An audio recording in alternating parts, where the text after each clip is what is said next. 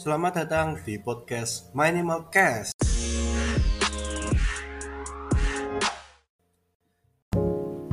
Episode kali ini saya ingin mengajak teman-teman dan juga para pendengar sekalian untuk kita melakukan konspirasi sedikit atau mungkin konspirasi kecil-kecilan pada hari ini. Jadi hari ini kita akan membahas sebuah tema yang mungkin bagi sebagian besar orang itu sebuah konspirasi besar bahkan masih menjadi sebuah misteri besar untuk mereka terkhusus bagi orang-orang yang berada di belahan bumi barat atau orang yang ada di barat tema ini akan menjadi menarik bagi mereka jadi episode kali ini kita akan membahas sebuah tema yaitu realitas bagi teman-teman yang belum mengetahui atau belum pernah mendengar apa itu realitas. Jadi kalau tadi saya coba browsing, saya ngambil dari Wikipedia. Jadi realitas menurut uh, dia, menurut Wikipedia itu hal yang nyata yang benar-benar ada. Tapi menurutku secara pribadi di definisinya dia, dia membuat sebuah misalnya celah besar di mana uh, kita sebagai manusia kita kan menurut saya lah kita sebagai manusia tuh terbatas jadi kita kayak tidak bisa uh, kayak membuat sebuah pembulatan definisi mengenai realitas karena menurut saya secara pribadi uh, realitas itu sangat luas cakupannya ataupun atau apa pun itu sehingga kita tuh tidak uh, bisa atau tidak sanggup tidak mampu untuk uh, menangkap secara utuh. Anggap aja kayak kita seperti sebuah flash disk. Anggap aja realitas itu berapa tera dan sedangkan flash kita tuh cuma 16 atau 32 giga. Kalau kita suruh nangkup uh, kayak menyimpan semua data itu sangat tidak bisa. Tapi kita bisa menyimpan beberapa data, tapi tidak bisa secara keseluruhan, secara menyeluruh, secara utuh. Nah, jadi uh, apa yang bisa kita lakukan dengan keterbatasan yang ada supaya kita bisa memahami sebuah tuh realitas itu. Yang salah satu cara atau cara yang bisa kita lakukan yaitu kita melakukan pendekatan. Pendekatan ini bukan seperti seorang laki-laki yang sedang mendekati seorang wanita. Tapi pendekatan ini langkah awal atau titik awal atau start kita untuk mendek, uh, untuk memahami suatu melalui suatu, uh, sesuatu hal melalui sebuah sudut pandang. Jadi ada dua yang hari ini saya mau bahas. Ini yang saya anggapannya kayak setuju gitu ya. Jadi yang pertama ada melalui pendekatan empiris, yaitu kita uh, lebih kalau saya bahasakan ya lebih melalui indera, yang kita punya, ya indera yang kita sih kayak lebih suatu pengalaman yang kita rasakan secara langsung, entah bagi dari indera pra, penciuman, perasa maupun lainnya dalam lima indera kita itu. Terus yang pendekatan kedua itu pendekatan biasanya orang-orang yang dianggap teistik. Nah, pendekatan ini tuh seperti yang tadi saya sampaikan di awal, saya kayak saya merasa kayak saya meyakini juga kita itu terbatas. Jadi kita tidak bisa membatasi hanya sebatas dari pengalaman empiris jadi bagi para penganut atau orang-orang melakukan pendekatan ini, biasanya mereka tuh membagi menjadi dua dimensi. Itu pertama dimensi yang empiris, yang tadi yang bisa kita rasakan secara langsung, dan juga dimensi yang kedua yang non empiris yang tidak bisa kita rasakan karena keterbatasannya kita, kita tidak bisa pahami, kita tidak bisa melakukan apa pun terhadap itu. Hanya menanti hikmah. nah, tapi kalau kita bicara mengenai realitas sebenarnya itu sudah kayak mungkin kita sudah melihat melalui berbagai karya manusia yang ada secara tidak langsung dan mungkin kita tidak sadari. Mungkin kalau bagi para pendengar yang pernah mendengarkan istilah quantum realm atau misal di contoh di film Ant-Man yang dikecilkan sampai seukuran apa ya atom mungkin atau apa saya agak lupa jadi mau masuk ke suatu dimensi lain atau kayak yang dari Marvel juga yang Doctor Strange yang ketika dia habis ini yang di seri awal yang ketika habis kecelakaan itu terus tangannya geser gerak terus dia cari penyembuhan secara supernatural kalau tidak salah ya mungkin kalau salah mohon maaf. Terus kayak dia berguru kalau nggak salah juga di Tibet atau di mana itu. Terus kayak suatu kali yang gurunya mendorong dia terus kayak dia mundur. Kayak rohnya keluar dari tubuhnya kalau kita lihat skin itu atau adegan itu kayak muter-muter. Salah kayak melewati beberapa layar beberapa dimensi itu sampai menuju suatu yang sungguh tak terduga itu.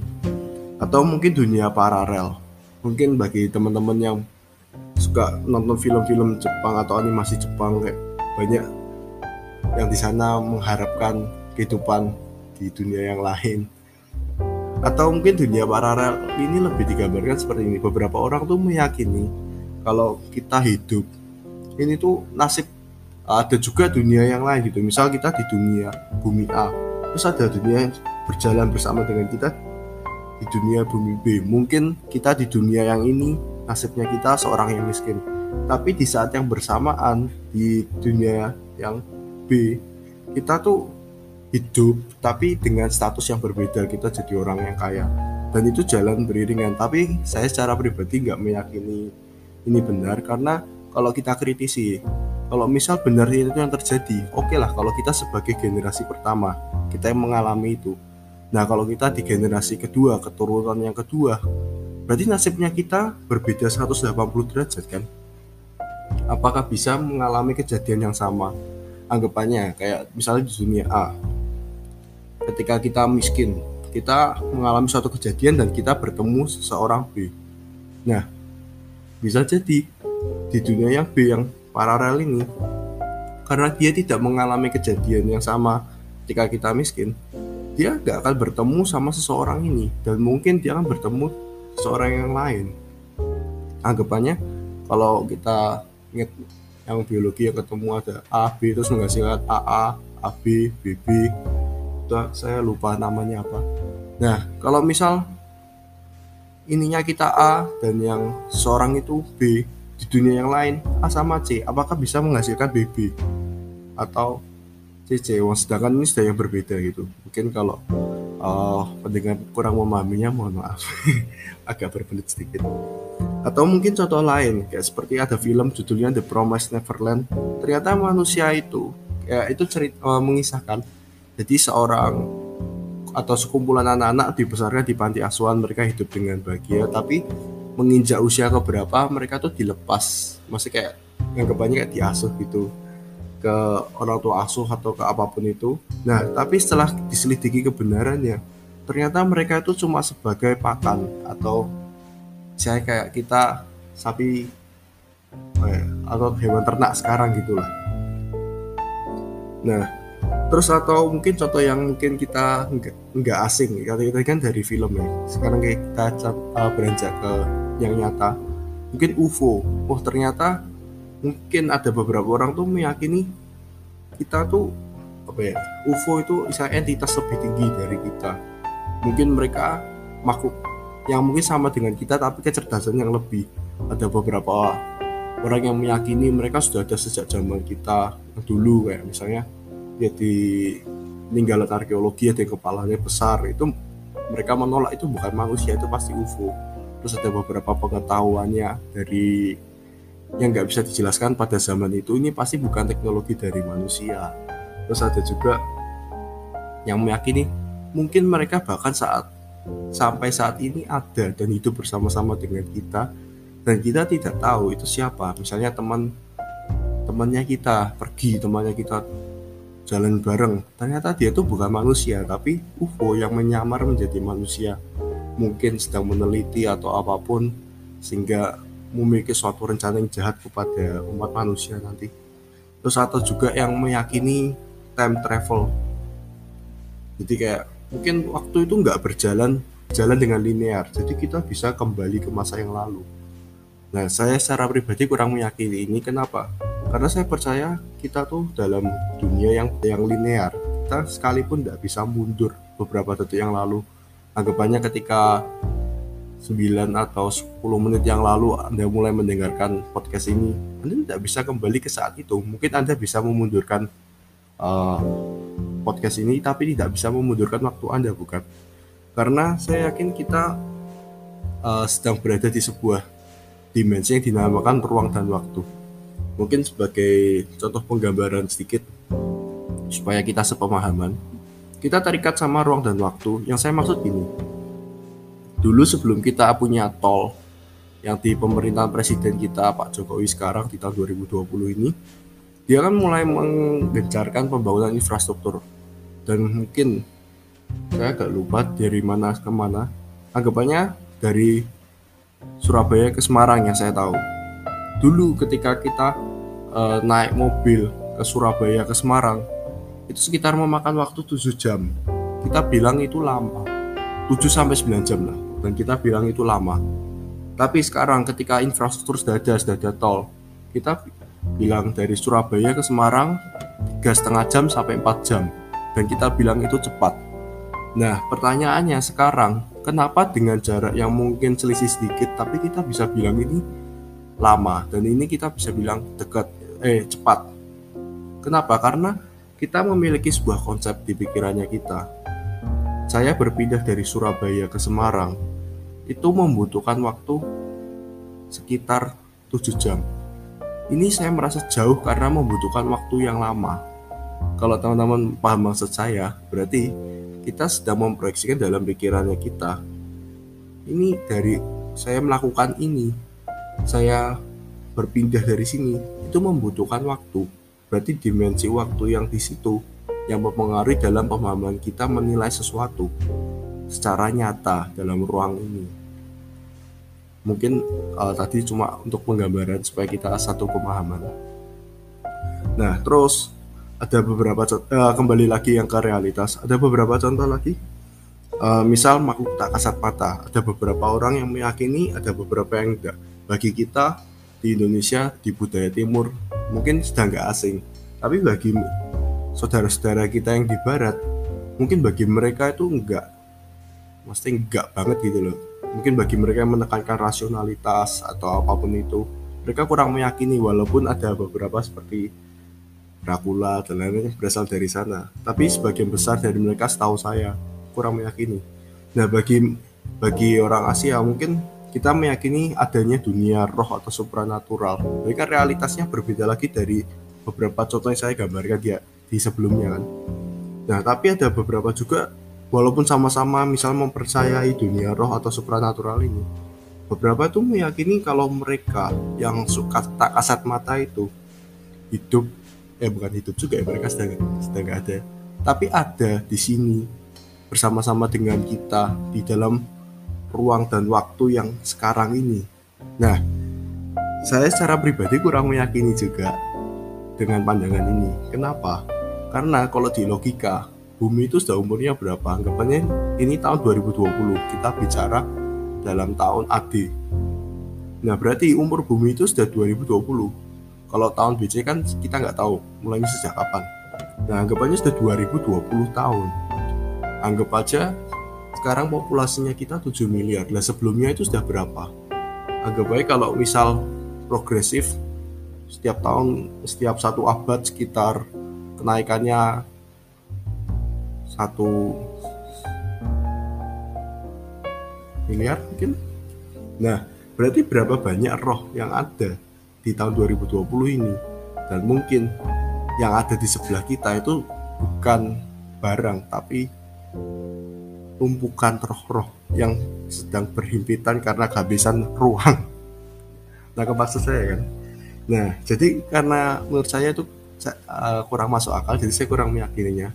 Tapi ada juga pandangan yang kedua, itu meyakini ada, tapi beda dimensi dengan kita. Dan menurut saya ini lebih masuk akal daripada pandangan yang sebelumnya. Karena kalau beda dimensi kita kan tidak tahu mereka ada di mana atau dimensi yang mana atau seperti apa atau kayak gimana. Tapi yang jelas ruangan ini tidak atau tempat ini tidak akan terpenuhi oleh himpitan roh-roh yang ada. Dan mungkin yang contoh yang bisa saya kasih terakhir, sebenarnya realitas yang paling dekat dengan kita dan paling uh, bersinggungan dengan kita itu sebenarnya realitas agama atau yang kita yakini dalam sistem kepercayaan yang kita sekarang di Indonesia mengakui ada tujuh ya termasuk penghayat yang baru ini Nah, cuma saya nggak akan membahas ini karena seperti yang saya sampaikan di episode yang lalu atau beberapa yang lalu, saya tidak mau membahas mengenai ini karena di Indonesia, di negara kita ini, ini bisa menjadi isu yang sensitif, jadi saya menghindarinya.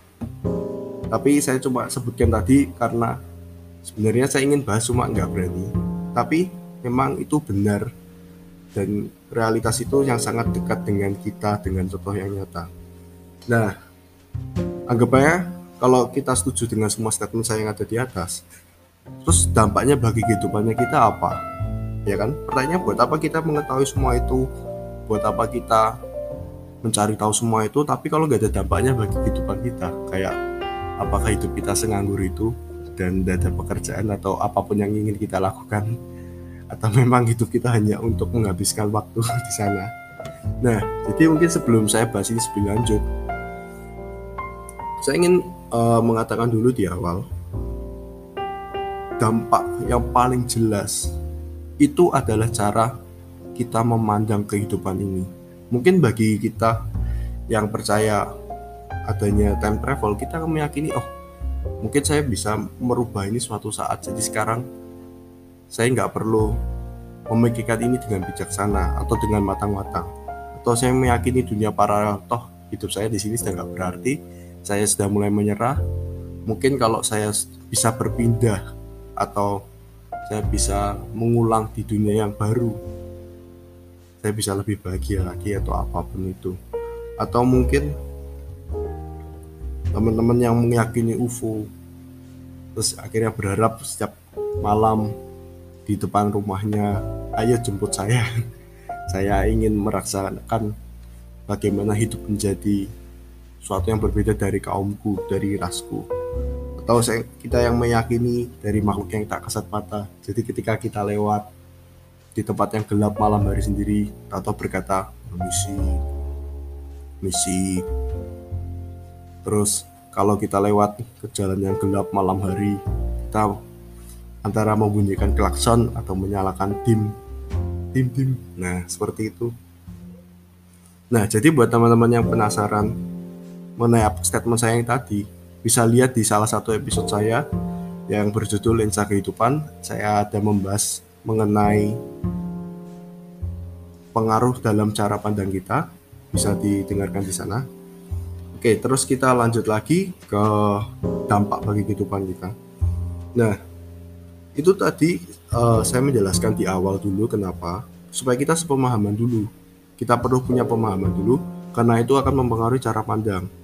Nah kalau kita bisa memanfaatkan dengan baik atau kita bisa menyadarinya dengan baik sebenarnya semua aspek kehidupan kita itu terpengaruh oleh itu. Anggapannya kalau kita paling gampang melihatnya itu di dunia hiburan. Banyak karya-karya terkenal dari dalam negeri maupun luar negeri sebenarnya memainkan realitas ini. Kayak tadi ada contoh yang saya sebutkan dari Marvel ada juga contoh-contoh lain. Sebenarnya itu dari beranjak dari mana dari realitas ini kalau kita bicara mengenai film misalnya Pacific Rim kayak sebenarnya monster itu kan atau makhluk itu kan nggak ada di dunia ini tapi kita membuat atau menciptakan sebuah imajinasi sebuah cerita di mana kita hidup berdampingan dengan mereka. Realitasnya kita tuh ini. Nah sebenarnya kalau kita bisa manfaatkan dengan baik, sebenarnya kita bisa menjadikan itu sebagai sebuah cerita, sebuah komik, sebuah novel, sebuah film, sebuah hiburan. Tapi jangan buat itu jadi sebuah khayalan, delusi untuk membuat sebuah keyakinan sesat seperti yang terjadi di negara lain. Kita belajar dari sejarah saja. Ada juga uh, yang menggunakan ini secara tidak bijaksana menciptakan sebuah delusi keyakinan seperti yang terjadi di Jepang dulu pernah ada satu sekte sesat dan dia mau melakukan pembunuhan dengan menyerang sebuah stasiun kereta bawah tanah. Demi keyakinan realitas mereka akan kematian. Nah, itu tadi saya bicara mengenai sebuah dampak positif. Terus dampak negatifnya bagi kita itu apa? Ini negatif tanda petik ya bukan negatif secara harfiah. Tapi bagi kita yang tidak bisa memanage secara bijaksana kita biasanya akan cenderung terjebak dalam sebuah sifat yaitu paranoid. Kita ketakutan berlebihan, kita cemas. Anggapnya ambil contoh seperti UFO. Ini cukup menarik karena paling banyak uh, konspirasi terjadi di sana. Jadi kayak kita takut, apakah saya pernah dicurik, apakah memori saya pernah dihapus, apakah saya pernah diapa-apakan oleh mereka, apakah yang pernah terjadi di hidupku dan aku gak sadari? Apa yang apakah aku pernah disiksa? Nah sebenarnya kalau kita pikir lebih jauh lagi kita tarik sebuah benang merah kita buat jadi sebuah istilahnya kesim uh, ya benang merah aja lah apa yang sebenarnya kita takuti dari realitas ini? Apakah kita takut aku akan kesakitan, aku akan disiksa, aku akan cemas berlebihan? Sebenarnya saya ngomong itu enggak. Itu bukan suatu benang merahnya. Itu salah satu ciri-ciri atau penunjuknya saja. Tapi kalau kita pikirkan lagi lebih dalam, bukankah sebenarnya kita takut adalah kematian?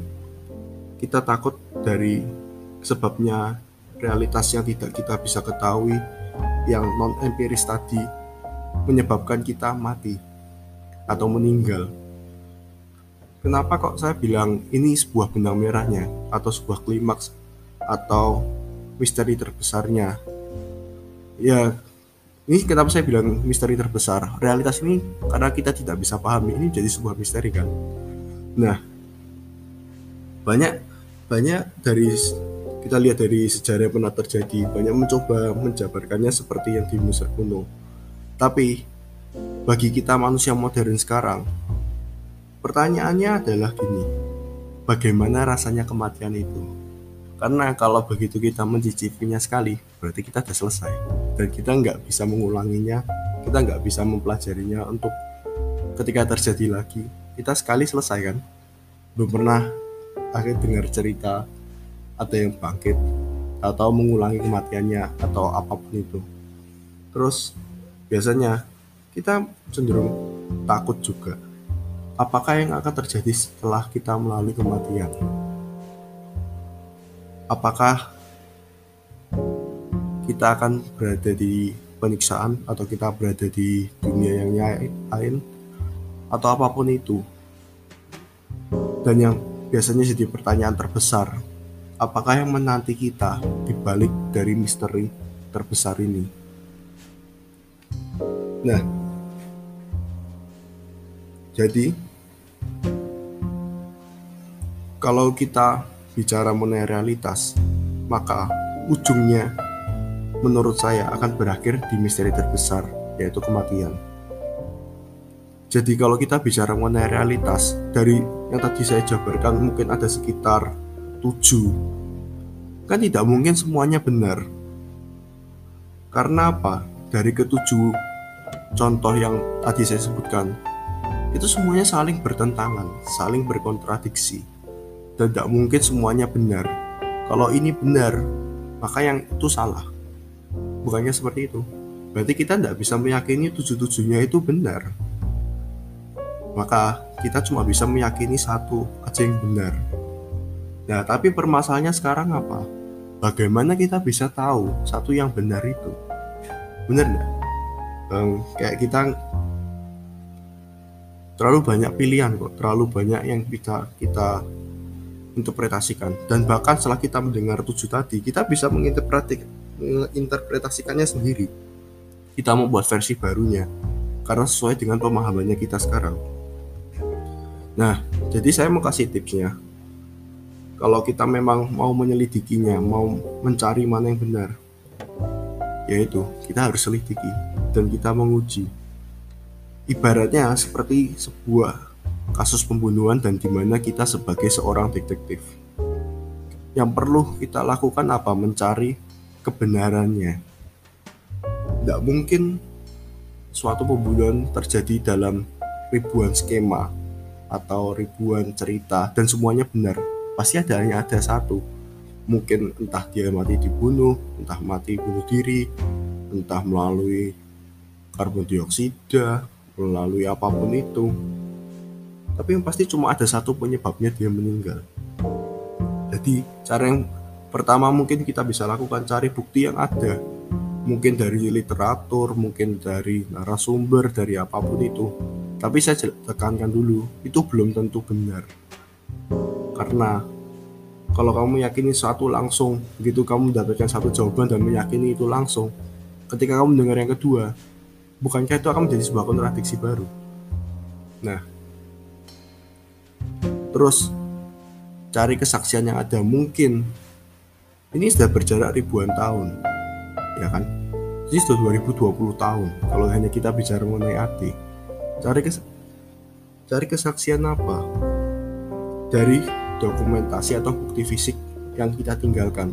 Mungkin bagi teman-teman yang ingin mengetahui lebih lanjut, saya pernah membahas di kebudayaan dan tradisi di masa kini. Mungkin teman-teman bisa mengeceknya di sana, di mana ada tangible dan intangible, dan juga di mana usaha manusia untuk meninggalkan kepada generasi berikutnya.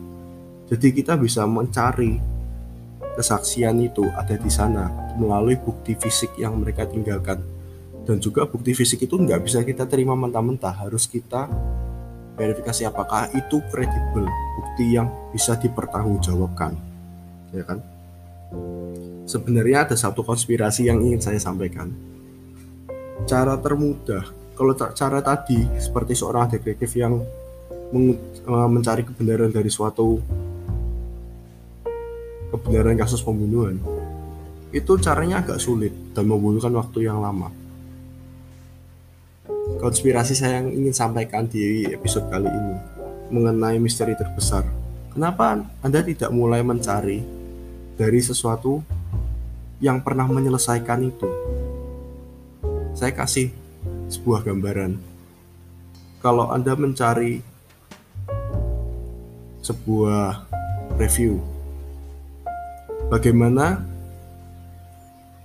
suatu kota misalnya kita bicara mengenai Bangkok.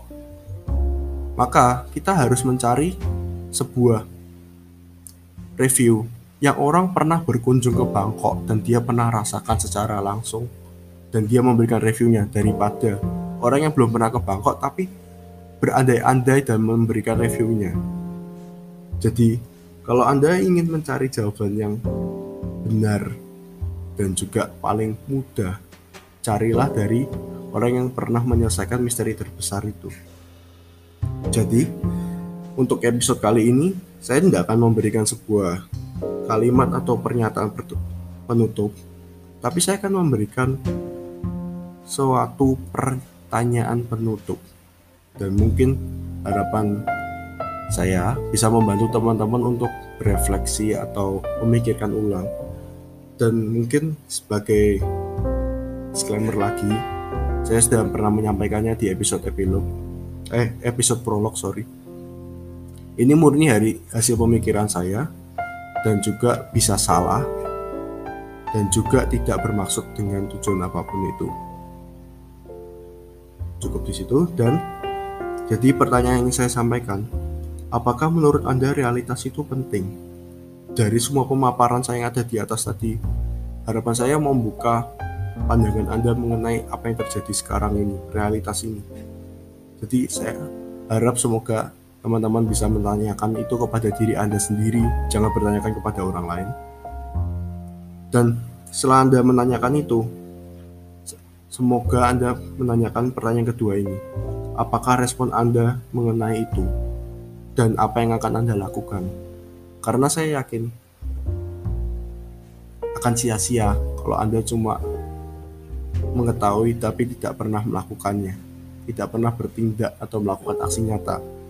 Meskipun simple, hanya mengambil sebuah keputusan, itu merupakan suatu tindakan.